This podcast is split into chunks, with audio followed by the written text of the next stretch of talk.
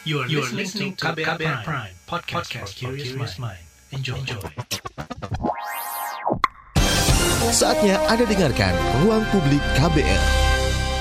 Selamat pagi, kita berjumpa kembali dalam Ruang Publik KBR bersama saya Don Brady dengan tema pagi hari ini melihat keefektifan pemberlakuan pembatasan kegiatan masyarakat.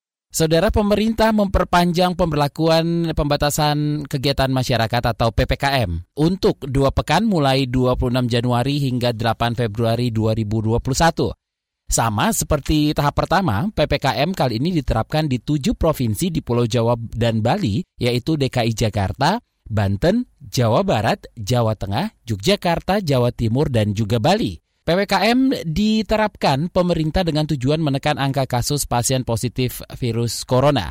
Tapi selama pemberlakuan PPKM tahap pertama, pertambahan jumlah positif COVID-19 atau COVID-19 itu kerap menembus angka 10.000 per hari. Apakah PPKM bisa dikatakan belum bisa menekan laju kasus penyebaran COVID-19? Untuk membahas hal ini telah hadir uh, dua narasumber di ruang publik KBR pagi ini. Ada Hermawan Saputra, Dewan Pakar Ikatan Ahli Kesehatan Masyarakat Indonesia atau IAKMI. Selamat pagi Pak Hermawan. Selamat pagi Bung Don. Apa kabar Selamat Pak Hermawan? Pemirsa KBR, baik. Alhamdulillah sehat selalu. Sehat selalu ya. Dan juga Emil Arifin, Wakil Ketua Umum PHRI Bidang Restoran. Selamat pagi Pak Emil. Selamat pagi, Bang Don. Iya, apa kabar Pak Emil? Sehat, Alhamdulillah. Alhamdulillah. Pak Emil lagi di mana ini? Selamat pagi, Pak Emil. Selamat pagi, Pak. Oke, baik. Saudara, sejak kemarin pembatasan kegiatan masyarakat atau PPKM tahap kedua seperti kita ketahui sudah dimulai. Dikutip dari laman Setkap, Menteri Koordinator atau Menko Bidang Perekonomian Erlangga Hartarto mengatakan dari tujuh provinsi, hanya ada dua provinsi yang mengalami penurunan kasus COVID-19, yaitu Banten dan Yogyakarta. Sedangkan lima lainnya itu masih ada peningkatan. Saya mungkin ke Pak Hermawan dulu. Pak Hermawan, menurut Anda ini, apa tantangan PPKM Jawa Bali ini sehingga angka penurunan kasus COVID masih sulit untuk dicapai? Seperti apa catatan dari uh, Pak Hermawan dan juga Iakmi? Ya, pertama memang PPKM ini memiliki alasan ya kenapa diambil oleh pemerintah. Tentu argumen utamanya untuk melandaikan kasus hmm. dikala fasilitas pelayanan seperti rumah sakit, fasilitas isolasi mandiri sudah over capacity atau bahkan overload dan stagnan di beberapa wilayah. Jadi memang ini semacam kebijakan yang sifatnya taktis, jangka pendek dan sporadis ya saya pikir Artinya uh, memang bukan dalam kerangka pemutusan mata rantai COVID, tetapi lebih kepada penekanan atau relaksasi sementara di rumah sakit dan lain-lain. Nah juga ini berbeda dengan PSBB, walaupun ini bagian dari pelengkap PSBB, tetapi kalau PPKM ini kan ditentukan oleh pemerintah pusat dengan lokus yang berdasarkan data harian kasus hmm. dengan kategori kota tertentu. Tetapi uh, masyarakat kita tidak memiliki kedisiplinan yang memadai karena memang perbedaan latar belakang pendidikan, ekonomi dan juga demografi geografi sehingga bisa kita katakan PPKM ini sebenarnya tidak efektif dalam pemutusan pengendalian COVID. Nah, memang kalau kita melihat harusnya ini didesain lebih menyeluruh PPKM ini tidak lagi uh, parsial karena ini hanya juga akan membuat terkatung-katung kerugian ekonomi kita, dampak sosial dan tekanan budaya. Kalau memang kita mau memutus rapat rantai, tentu bukan PPKM pilihannya. Nanti kita akan bahas uh, ke depan. Tapi gambaran awalnya demikian, Bung Don. Oke, bukan PPKM pilihannya. Saya mungkin ke Pak Emil dulu. Pak Emil, pemberlakuan pembatasan ini jelas ya mempengaruhi uh, pergerakan masyarakat. Bisa dijelaskan seperti apa kondisi anggota PHRI selama pandemi sejak tahun lalu dan sekarang? Uh, seperti apa dampak terhadap PPKM ini? Terima kasih Pak Pak Don. Uh, begini ya masalah pelarangan-pelarangan atau pembatasan-pembatasan ini uh, mungkin saya kira kurang kurang tepat ya seperti tadi Pak hmm. katakan uh, kurang tepat karena seperti yang sudah kita terapkan kepada semua anggota kita di PHRI yang namanya restoran dan mall itu sudah menerapkan protokol kesehatan. Mereka tuh menjaga dan kami itu pekerja pekerja kami juga takut uh, buka restoran itu juga takut. Maka yeah. kita persiapkan supaya kita lengkapi semua uh, protokol kesehatan. Jadi kita benar-benar mengendalikan itu. dan eh, apa datanya tuh tidak ada yang restoran apa penularan tuh terbanyak di restoran nggak ada. Ada restoran, ada data restoran dan kedai. Kedai kan lain. Kalau kedai kan mereka tidak menerapkan uh, apa namanya protokol kesehatan. Jadi hmm. waktu ini diterapkan itu jelas-jelas kita suffer. Apalagi Suffering, ya. sekarang ya. itu sampai jam 7 malam yeah. Ya. uh, terus ditambah jam jam 8 itu tidak mempengaruhi uh, restoran itu income-nya itu dari siang dan malam. Mm-hmm. Siangnya dibatasi cuma 25 persen yeah. dan uh, WFH. Jadi nggak banyak orang dari kantor yang datang makan siang. Dan malamnya pas jam 7 malam makan malam dibatasi ya sama aja disuruh tutup gitu.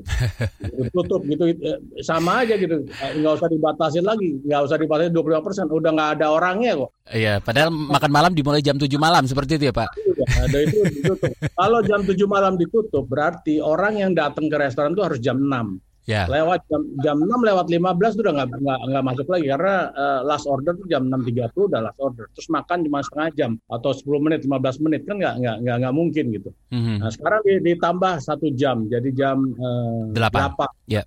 Alhamdulillah ada, ada tambahan tapi cuman nggak nggak nggak banyak tetap tetap masih kalau jam 9 itu uh, itu sangat membantu kalau jam 9. Jadi bayangin dari setahun hampir setahun nih kita itu antara on off on off on off gitu yeah. uh, lama-lama tuh uh, anggota-anggota atau teman-teman di restoran tuh udah daripada saya buka nggak jelas dan tiap nasibnya itu ditentukan tiap dua minggu mendingan hmm, saya tutup. Hmm, okay. Sekarang udah kira-kira dari dari perhitungan kawan-kawan itu ada dua ratusan ribu orang yang udah nggak diperkerjakan wow. di restoran. Bayangin satu restoran tuh ada 25 orang satu shift ya. Sekarang cuma tujuh orang cuma delapan orang. Menunya hmm. ya di, di, di, di, di, disedikitkan. Tadinya menunya ada 15 menu, sekarang cuma 7, 6 menu karena terbatas. Jadi segala pencak silat nih kalau udah kungfu udah master kungfu yang paling hebat nih kita nih. Apa aja udah kita lakukan, ya. tapi tetap rugi gitu. Tetap kita rugi ya. Mengendalikan kerugian, bukannya mencari untung, mengendalikan kerugian. Harusnya kerugiannya 100 juta, gimana caranya supaya kerugiannya cuma 80 juta. Okay. Itu aja kerja kita setahun itu. Oke, okay. kalau bisa digambarkan lebih jelas lagi nih uh, Pak Emil, kondisinya di Indonesia seperti apa? Kalau uh, dari catatan CNN sendiri, di Amerika itu sekitar 80% bangkrut karena COVID ini. Kalau di Indonesia? Kalau di Indonesia itu kita sudah melakukan survei September terakhir, cuman cuma DKI aja ya. Yeah. DKI itu uh, itu uh, dari 4.800 restoran yang kita survei itu 1.030 tuh tutup permanen dan 400 itu tutup sementara. Tapi kalau ini diperpanjang lagi itu September tuh. Kalau ini sekarang mungkin udah kalau kita survei lagi mungkin udah 2.000 yang yang yang, yang tutup. Dari 9.800 restoran yang di DKI ya. Jadi hmm. udah udah udah udah 30 40 30 persen udah ada tutup dan ada yang relokasi, ada yang uh, tutup permanen, ada yang uh, punya 9 restoran sekarang cuma tiga yang operate, ada kayak gitu-gitu gitu. Oke, tadi Pak Ebil bilang uh, eh, PPKM ini tidak tepat dan juga Pak Hermawan bilang tidak efektif. Oke, saya kembali ke Pak Hermawan. Pak Hermawan, sebaiknya pembatasan ini ataupun apa pun itu namanya PSBB atau PPKM itu didesain uh, seperti apa sih Pak harusnya? Spesifiknya seperti itu. Iya, kami dari awal ya, sejak Maret 2020 yang lalu itu sudah memberikan analisis dan kajian bagaimana Indonesia harus menghadapi COVID. Tetapi rupanya pemerintah kita mengambil sikap mengeluarkan PP 21 2020 tentang pembatasan sosial berskala besar. Yeah. Opsi pembatasan sosial ini, filosofinya segala sesuatu itu tetap terbuka kecuali hmm. yang dilarang atau yang dibatasi. Jadi memang ketimbang karantina atau lockdown dia masih lebih longgar PSBB ini. Tetapi bayangan kami sedari awal itu uh, pemerintah dan pemerintah daerah ya baik pusat maupun daerah itu kompak, disiplin satu kata dan juga menyeluruh. Jadi tidak sekedar uh, satu kota kemudian satu tidak, satu kota satu tidak, tetapi kompak dalam suatu waktu tempo yang sudah ditentukan itu baru kita mampu mengukur dampak dan juga cepat keluar dari puncak kasus kita. Tetapi kalau kita catat dari pengalaman PSBB, hanya ada tiga provinsi yang melakukannya. Jawa Barat, DKI, dan Sumatera Barat. kalau kita turun pada kabupaten dan kota sekitar 40-an kabupaten kota. Hmm. Ini kan luar biasa tidak populernya kebijakan PSBB di kala pandemi sudah menyeluruh ke 34 provinsi dan 510 kabupaten kota. Nah, sekarang dengan keterbukaan semua transportasi antar wilayah, antar provinsi daerah, aktivitas pariwisata, keramaian sosial keagamaan, ini kan terjadi masif transmission yang luar biasa. Maka kebijakan PPKM hanya menyentuh pada titik-titik tertentu, itu hanya main tekan muncul tekan muncul di titik lain dan itu tidak akan efektif. Yeah. Nah, oleh karena itu kita tidak mungkin mengembalikan ke uh, geliat ekonomi kita secara serentak melainkan kita 11 bulan ini terkatung-katung. Bukannya kita bermain dengan RAM dan gas ini memenangkan dua-duanya, antara ekonomi dan kesehatan itu tidak mungkin dalam waktu bersamaan kita menangkan suasana pandemi. Tetapi kalau kita pahami bahwa main problem kita adalah kesehatan masyarakat, kita selesaikan kasusnya, maka geliat ekonomi kita bangkitkan kembali. Kami sangat paham betapa berdampaknya teman-teman di bisnis perhotelan, restoran, dan juga uh, pariwisata dan lain-lain, semua terpuruk. Dan ini snowball ya. Nah, hmm. efek bola salju saling terkait semua. Tetapi tidak setengah-setengah dalam kebijakan.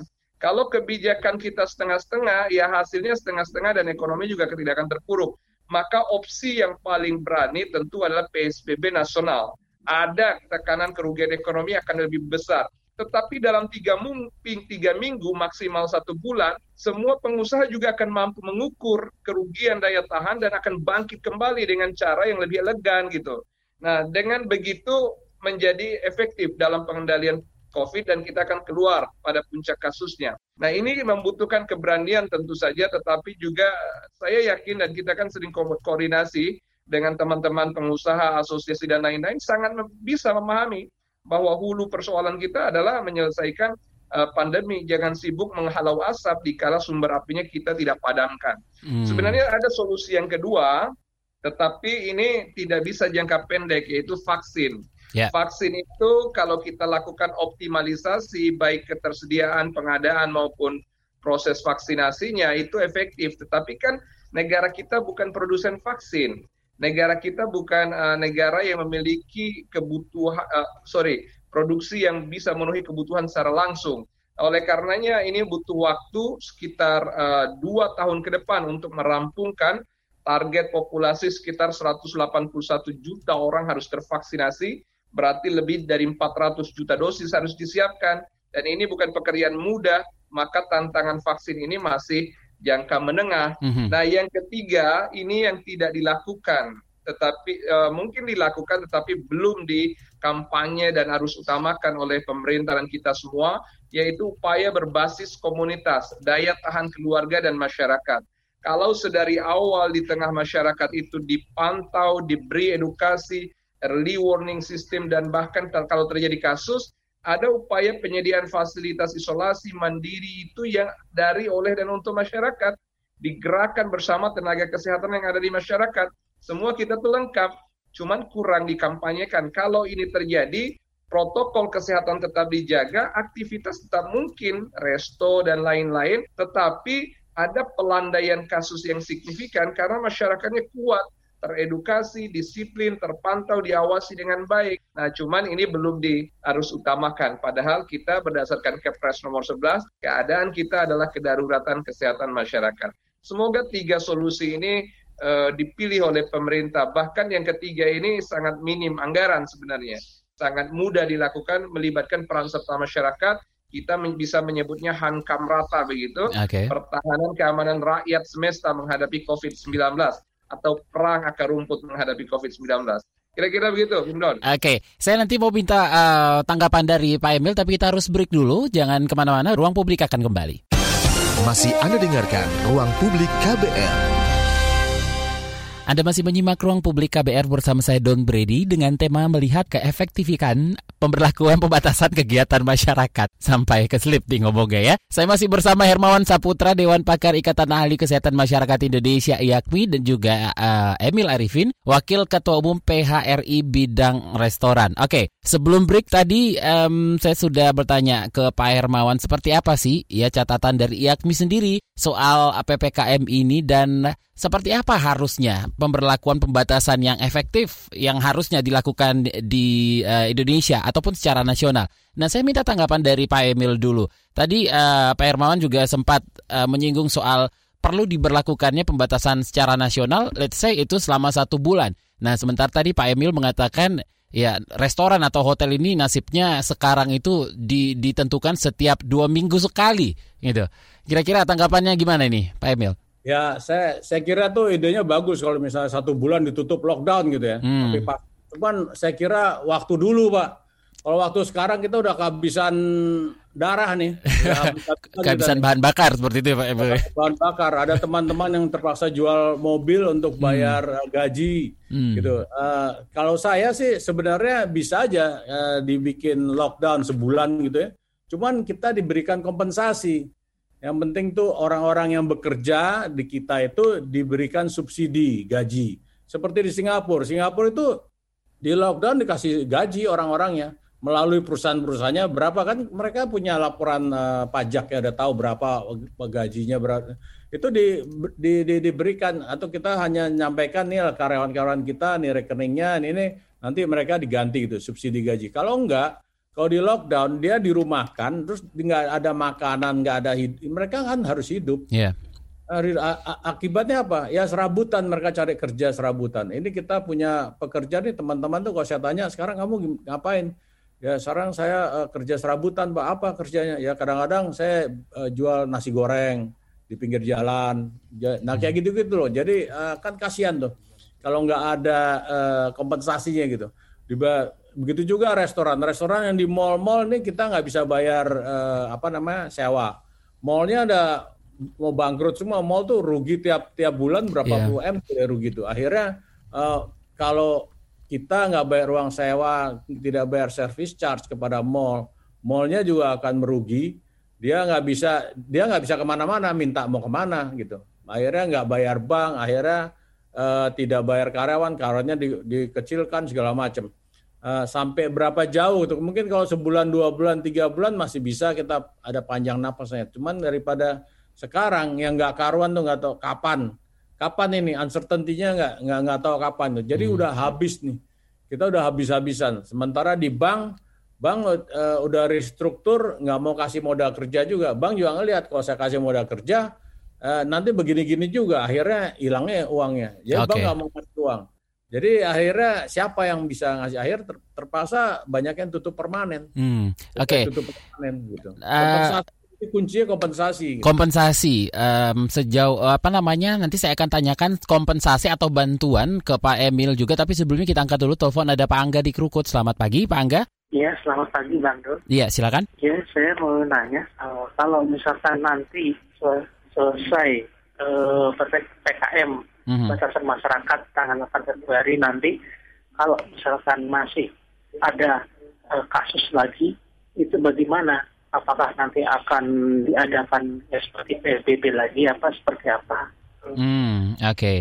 baik terima kasih Pak Angga ini mungkin nanti ke Pak Hermawan mungkin ya oke okay. tapi sebelum kita jawab Pak Angga di Krukut menarik untuk uh, saya tanyakan lagi nih ke Pak Emil. Pak Emil untuk anggota PHRI sendiri sejauh ini bantuan seperti apa yang sudah diberikan pemerintah sejak pandemi ini terjadi? Uh, bantuan sih sudah uh, lumayan lah. Kita dibantu masalah relaksasi uh, kredit. Cuma yeah. itu kreditnya yang yang uh, maksimum 10 m. Uh, yang di atas 10 m ya wassalam, tinggal doa di sebelah mesin ATM gitu mas.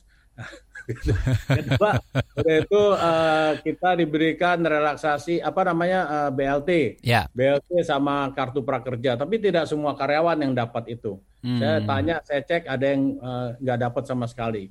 Uh, kemudian ketiga kita diberikan uh, keringanan uh, pajak kalau salah, pajak PPA 25 tuh uh, di, di, di ini kan di, ditunda gitu. Kemudian ada lagi dana hibah. Dana hibah itu dari melalui PB1. Jadi pajak yang kita bayar PB1 kepada Pemda itu dikembalikan. Hmm. Tapi harusnya empat bulan uh, eh, PB1 dikembalikan.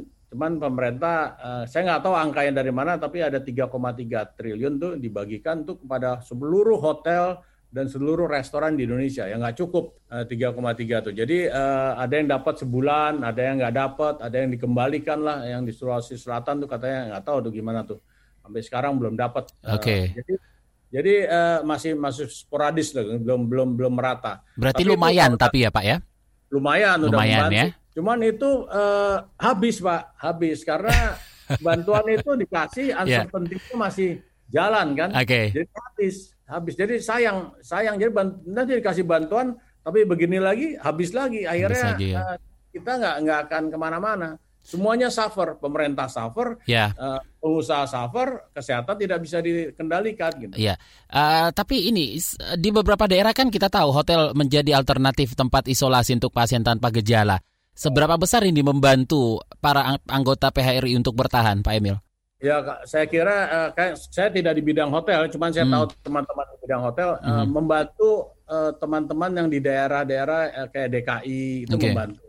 Tapi tidak semua hotel kan, hotel kita kan ada berapa DKI uh, berapa seratus yeah. berapa itu nggak nggak semuanya. Uh, Kalau dia ke restoran sendiri tidak tidak berdampak seperti itu ya Pak ya? Ada nggak ada dampaknya. Hmm. Saya kira kalau kalau ini dilakukan uh, bersama ya, jadi kita tuh seolah-olah nih sekarang uh, kita pengusaha dipisahkan dari dari dari apa men, uh, cara menangani ini gitu. Nah, harusnya kita bersama-sama lah gitu, karena kita juga mendidik kan sebagai restoran di mall atau di uh, apa uh, uh, kan punya protokol kesehatan iya, double. Yeah, yeah. Mall punya kita punya. Jadi sambil kita mendidik juga kepada karya apa orang-orang yang datang di kita gitu. Sebenarnya kita udah menjaga gitu. Nah, yang sudah menjaga ya harusnya diberikan kelonggaran sampai jam 9 malam boleh 50 persen. 50 persennya itu belum untung, cuman uh, kerugiannya kecil lah gitu. Uh, kemudian uh, apa namanya uh, untuk yang di luar itu yang tidak menerapkan uh, protokol kesehatan, nah itu baru dipanis gitu. Hmm. Tapi jangan semuanya dipanis, di, seolah-olah uh, semua me, apa merugikan jadi semua ditutup. Uh, akhirnya percuma kita buat protokol kesehatan. Kita udah invest macam-macam di untuk uh, apa alat protokol kesehatan segala macam jadi percuma gitu. Jadi ini ini yang yang tidak seimbangan. Kalau mau seimbang ya benar tuh tadi rem dan gas mau mau sama-sama ya kita diajak uh, sama-sama dong. Ya gimana gini? Sekarang CFD itu Pak CFD kan udah nggak ada yang hmm. orang naik sepeda kalau di DKI itu udah nggak ada tuh, orang naik sepeda.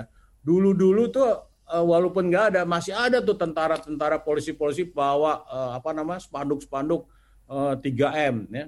Pakai masker jaga jarak itu mencuci tangan tuh di mana-mana di jalan. Itu kan mendidik tuh. Sekarang udah nggak ada. Hmm. tapi ppkm juga tapi tetap orang nggak mau tahu. Udah orang udah apa masyarakat udah nggak mau tahu. Sekarang udah jalan aja. Uh, saya mau olahraga olahraga. Tapi pendidikan uh, itu tetap ada gitu. Hmm. oke. Okay. uh, Baik. Ya, kan tiga T-nya juga nggak jalan tuh. Gimana tuh Pak Herman? Tiga T juga nggak jalan. Oke, saya ke Pak Herman. Pak Hermawan, dari catatan IAKMI sendiri, masyarakat tahu nggak sih sekarang ini kita lagi PPKM? Atau masih kepikiran PSBB aja lagi gitu? Masyarakat itu tidak masuk itu cuek apa makna PSBB aja belum tentu paham oleh masyarakat. Masyarakat okay. itu hanya akan meniru dan menurut perilaku dan akan melihat konsistensi. Uh. Kalau masyarakat dihimbau 3M tetapi pemerintah mengizinkan keramaian, yeah. uh, pesta-pesta dan lain-lain atau bahkan unsur pemerintah sendiri yang mengadakan, yeah. nah itu kan sesuatu yang menjadi pembelajaran kurang tepat ya oleh masyarakat. Uh -huh. Maka dalam Ada suasana, ya ada pilkada segala kan. Ya justru itu. Jadi bagaimana mungkin okay. masyarakat kita minta untuk yeah, iya. disiplin, yeah.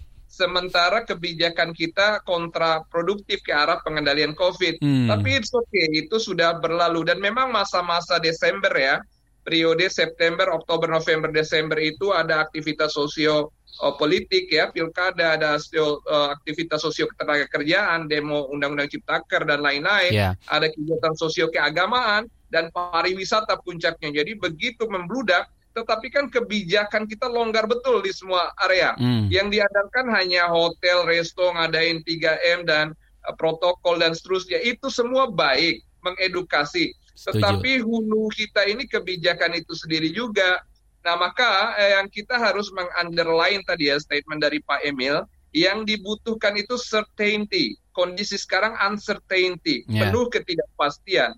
kami dari praktisi kesehatan memberikan uh, opsi agar ada kepastian kepastian kasus untuk terputus dan kita melewati puncak agar lebih gampang kita kendalikan adalah dengan cara nasional. Nah, memang ada keekonomian uh, yang rugi, tetapi kan keekonomian kita ini bisa kita ukur, bisa kita kalkulasi yeah. berapa yang harus diberikan subsidi, berapa yang harus diberikan uh, dukungan oleh pemerintah dan lain-lain. Tapi betul Pak Emil, harusnya ini dari dulu begitu. Yeah. Nah, sekarang melakukan ini memang uh, multiple burden memang. Mm -hmm. Jadi beban kita sudah berganda sekali. Tapi sekali lagi kalau kita biarkan tidak juga akan memenangkan ekonomi. Ekonomi juga terpuruk. Saya yakin pengusaha-pengusaha juga uncertainty tadi akan terkatung katung juga hingga berbulan-bulan dan jangan-jangan bertahun-tahun kalau masih seperti ini. Maka kami memberikan tawaran perspektif kesehatan epidemiologi cara terbaik saat ini ya karena kita udah 11 bulan adalah berlakukan PSBB nasional. Tadi mm -hmm. Pak Angga menanyakan bagaimana dengan PPKM. PPKM itu jangka pendek iya, tujuan PPKM bukan memutus rantai Covid, tapi menekan sementara agar ada relaksasi di rumah sakit, agar ICU tidak full, yeah. ruang isolasi masih bisa menampung pasien mm. dan masih ada perawatan. Kalau tidak, sekarang kita akan melihat kematian-kematian bukan di rumah sakit, tapi di rumah-rumah orang yang tidak tertangani. Dan ini kan berbahaya hmm. sekali. Nah ini yang kita uh, khawatirkan sehingga memang harus ada kebijaksanaan dari semua pihak. Kita juga apresiasi pemerintah bekerja keras tapi bekerjalah dengan tuntas. Nah, ini yang menjadi poin. Bekerjalah uh, dengan tuntas. Itu yang harus di garis bawahi Pak Hermawan ya. Nanti kita akan tanggapi telepon dari Pak Angga yang di Kurkut dan juga beberapa pertanyaan yang sudah masuk ke kami. Siaran ini akan terus berlanjut usai jeda. Jangan ke mana-mana, Ruang Publik akan kembali. Masih Anda dengarkan Ruang Publik KBR.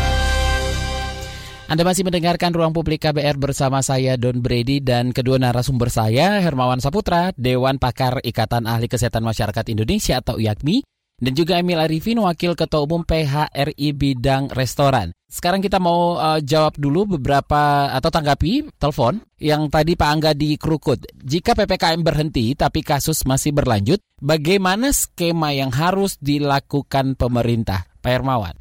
Ya, memang PPKM ini seperti yang saya sampaikan akan dievaluasi terus, tetapi pada akhirnya PPKM ini bukanlah uh, instrumen kebijakan untuk memutus mata rantai COVID. Jadi kata lainnya, selesai PPKM kasus itu masih ada, bahkan masih tinggi.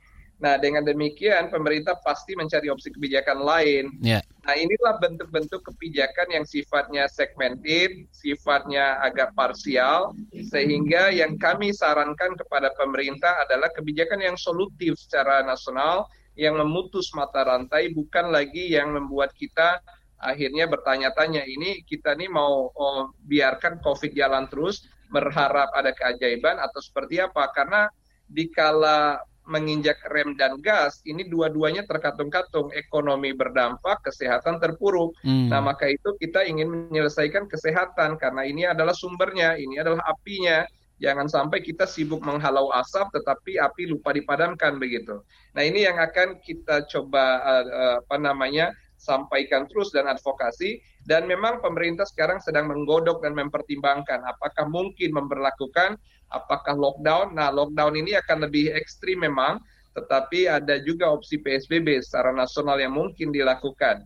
Berharap pada vaksin dan berharap pada upaya lain tentu bukan jangka pendek, tetapi yang nggak bisa ditawar full membludaknya vaskes yeah. sekarang ini Betul. tentu juga akan merugikan masyarakat juga yeah. Kalau tidak uh, kita lakukan kebijakan yang sifatnya uh, powerful begitu.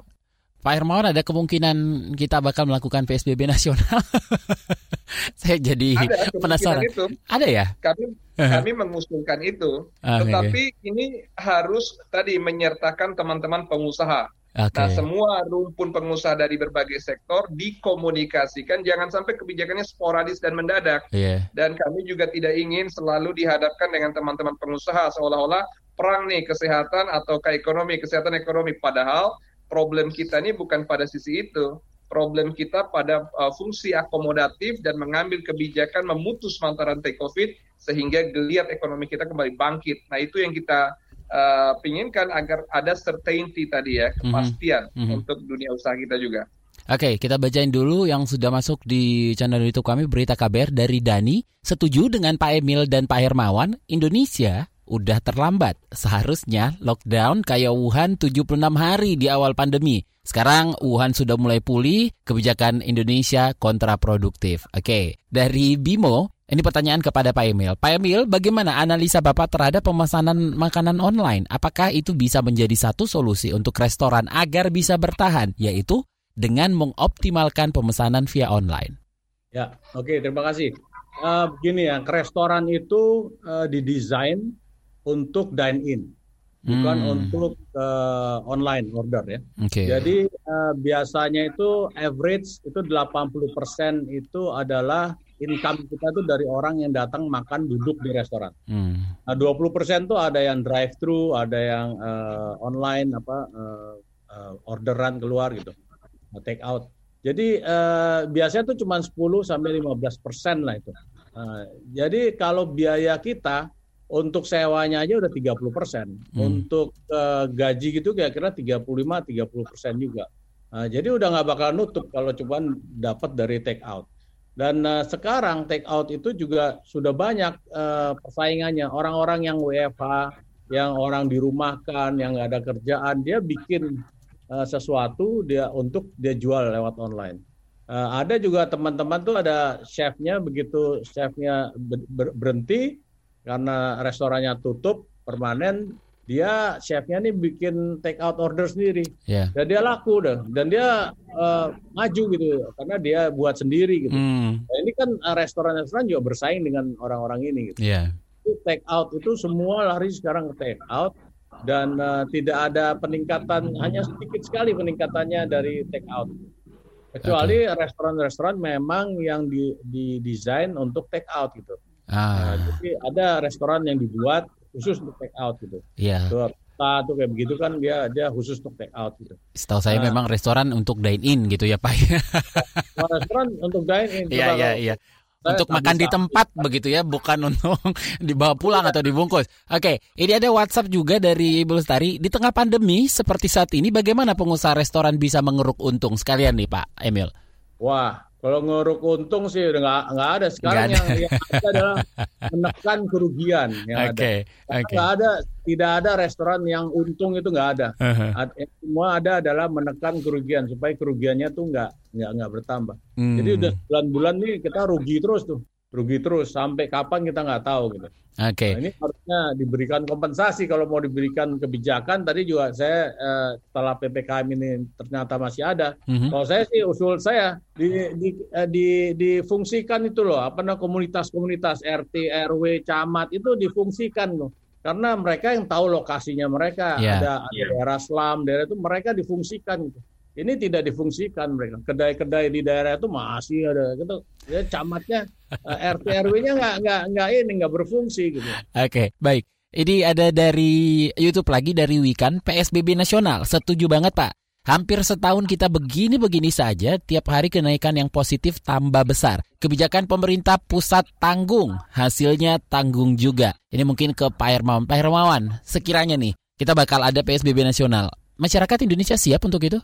Iya, harus kita persiapkan. Jadi hmm. kalau dari awal ini dikomunikasikan dengan baik ya, terutama dengan penggiat-penggiat ekonomi, pengusaha-pengusaha termasuk perhimpunan restoran dan lain-lain, semua pihak akan menerima kenyataan dan siap untuk mempersiapkan diri itu sendiri. Mempersiapkan diri itu ada dua, mempersiapkan dari aspek uh, tata kelola bisnis, ekonomi, tapi juga mempersiap secara fisik ya. Karena di dalam suasana pandemik ini kalau kita nanti melakukan PSBB, fisik juga harus terjaga. Maka ini kan menjadi kerjaan bersama semua pemerintah, masyarakat, yeah. toko, provider layanan dan berbagai pihak. Maka memang kalaupun ada sekarang relaksasi ekonomi, nggak apa-apa diberi relaksasi. Misal ya, dua minggu ini tidak masalah, protokol kesehatan tetap diketatkan semua, tetapi dunia usaha dibuka untuk mempersiapkan diri pada satu waktu kita melakukan PSBB nasional jadi anggaplah contohnya ya, misalnya hmm. sekarang kita di akhir Januari nih, dua minggu atau tiga minggu ini silakan uh, perusahaan-perusahaan, restoran, perhotelan tetap mengoptimalkan layanan servis tapi tetap dalam kewajiban protokol. Hmm. Bahkan tidak bisa ditawar-tawar tuh Pak Emil bilang yang tidak nurut uh, dipanis, yang uh, nurut ya kasih reward misalnya. Hmm. Itu bagus. Tetapi disampaikan juga nanti di akhir Maret atau di awal Maret misalnya kita akan PSBB nasional ya. Siap ya. Bersiap-siap gitu ya. ya. Hmm. Karena dengan begitu kita ada kepastian nanti April kita akan lebih rileks akan ada economical uh, refreshing atau rebound gitu, uh, economical growth gitu, kembali uh, rebound. Jadi ini yang kita harapkan semua kan. Nah tentu berbicara virus sekarang ini ada yang berkaitan dengan perilaku, ada yang berkaitan dengan kebijakan, ada yang berkaitan dengan tata kelola. Nah mudah-mudahan tiga-tiganya ini kita bisa lakukan dengan optimal dalam memutus mata rantai COVID agar cepat keluar dari Indonesia kita tercinta. Hmm. Pak Emil mau menambahkan? Ya, saya kira uh, kalau mau dibikin uh, eh, PSBB nasional, mm -hmm. yang penting adalah kompensasinya, Pak. Mm. Kompensasi yang pertama kepada pekerjanya, karena kalau pekerjanya ini mereka nggak ada income, nggak ada, pasti mereka akan cari makan di luar sana kemari, nggak akan mungkin di di rumah gitu. Kalau di luar negeri kan Anda di rumah tapi saya bayar, udah seneng orang di, di, di rumah dibayar gitu. Nah, begitu juga pengusaha-pengusaha dikasih eh, insentif macam-macam yeah. gitu. Kalau misalnya diberikan kompensasi, eh, memang biayanya besar tapi hanya sesaat itu aja. Okay. Di situ kita sudah menemukan certainty gitu. Sekarang kan enggak nih uncertainty terus nggak tahu iya enggak iya enggak. Tiap dua minggu kita evaluasi akhirnya ya habis juga darah kita kalau kayak begitu. Oke, kita masih ada satu segmen terakhir nanti Pak Emil, Pak Hermawan, tapi kita harus break dulu jangan ke mana-mana, tetap di ruang publik KBR. Commercial break. Commercial break.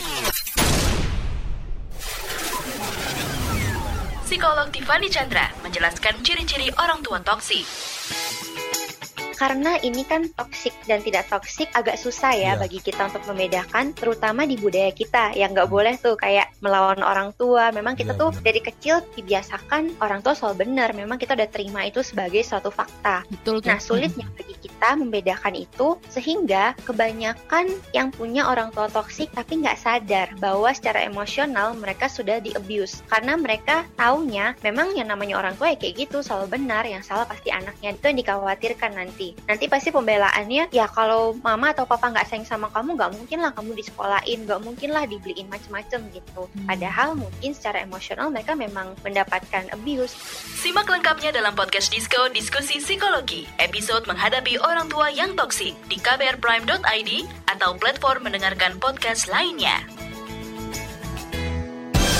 masih Anda dengarkan Ruang Publik KBR. Kita tiba di bagian akhir ruang publik KBR hari ini dan bagi Anda yang tidak sempat mendengarkan siaran ini secara utuh, Anda kembali bisa mendengarkannya di kbrprime.id di podcast kami dan juga di aplikasi mendengarkan podcast lainnya. Cari saja ruang publik. Masih membahas keefektifan pemberlakuan pembatasan kegiatan masyarakat bersama Hermawan Saputra, Dewan Pakar Ikatan Ahli Kesehatan Masyarakat Indonesia atau IAKMI, dan Emil Arifin, Wakil Ketua Umum PHRI Bidang Restoran. Sebelum saya masuk ke pertanyaan selanjutnya, ini kita bacain sekilas dulu ada WhatsApp dari Nungki di Jakarta. Saat ini katanya klaster keluarga yang lebih banyak dibandingkan kelompok lain. Kalau seperti ini pembatasan yang efektif itu seharusnya seperti apa? Dari Wahyu di Depok, setelah hampir setahun, seperti apa kebiasaan menjaga prokes masyarakat? Uh, singkat saja mungkin, Pak Hermawan bisa menanggapi dua pertanyaan dari WhatsApp ini. Iya, klaster keluarga, klaster perkantoran, klaster tempat-tempat usaha, ya. industri, pabrik, dan lain-lain sekarang ini sebenarnya tidak lagi bisa kita kategorikan uh, terlalu khusus ya. Hmm. Semuanya sudah samar. Yang mana yang menyebabkan uh, klaster baru, yang mana yang menyebabkan uh, kasus baru, ini sebenarnya sudah samar sekali. Di bawah itu terjadi massive transmission namanya Bung Don. Hmm, kita okay. dulu mengenal berbagai istilah, okay. tetapi memang kapasitas testing dan tracing kita terbatas yeah. seiring dengan membludaknya layanan. Okay. Oleh karena itu cara terbaik sekarang ini memang menggugah kesadaran pribadi dan keluarga agar protokol yang 3M bila perlu ditambah dengan 5M. 5M ya. Membatasi mobilitas dan menjauhi kerumunan yang tidak perlu-perlu amat begitu. Hmm. Nah, ini sebab uh, kita di samping mengusulkan agar perilaku ini tetap dijaga kualitasnya, tetapi juga kebijakanlah yang harus menyentuh semua uh, uh, lingkup kehidupan kita agar masyarakat kita juga bisa konsisten melihat kebijakan juga yang efektif dan konsisten. Okay. Nah, khusus terkait dengan dunia usaha, saya pikir teman-teman ini memang wajib harus dilibatkan karena hmm. pemahaman, kesepahaman inilah yang akan membuat kita lebih bisa bersama dan cepat keluar dari pandemi COVID ini, Bung Don. Oke, baik. Ini dari Paul dari YouTube. Kebijakan seketat apa pun akan percuma kalau di tingkat masyarakat kesadarannya belum tinggi. Jadinya akan kucing-kucingan.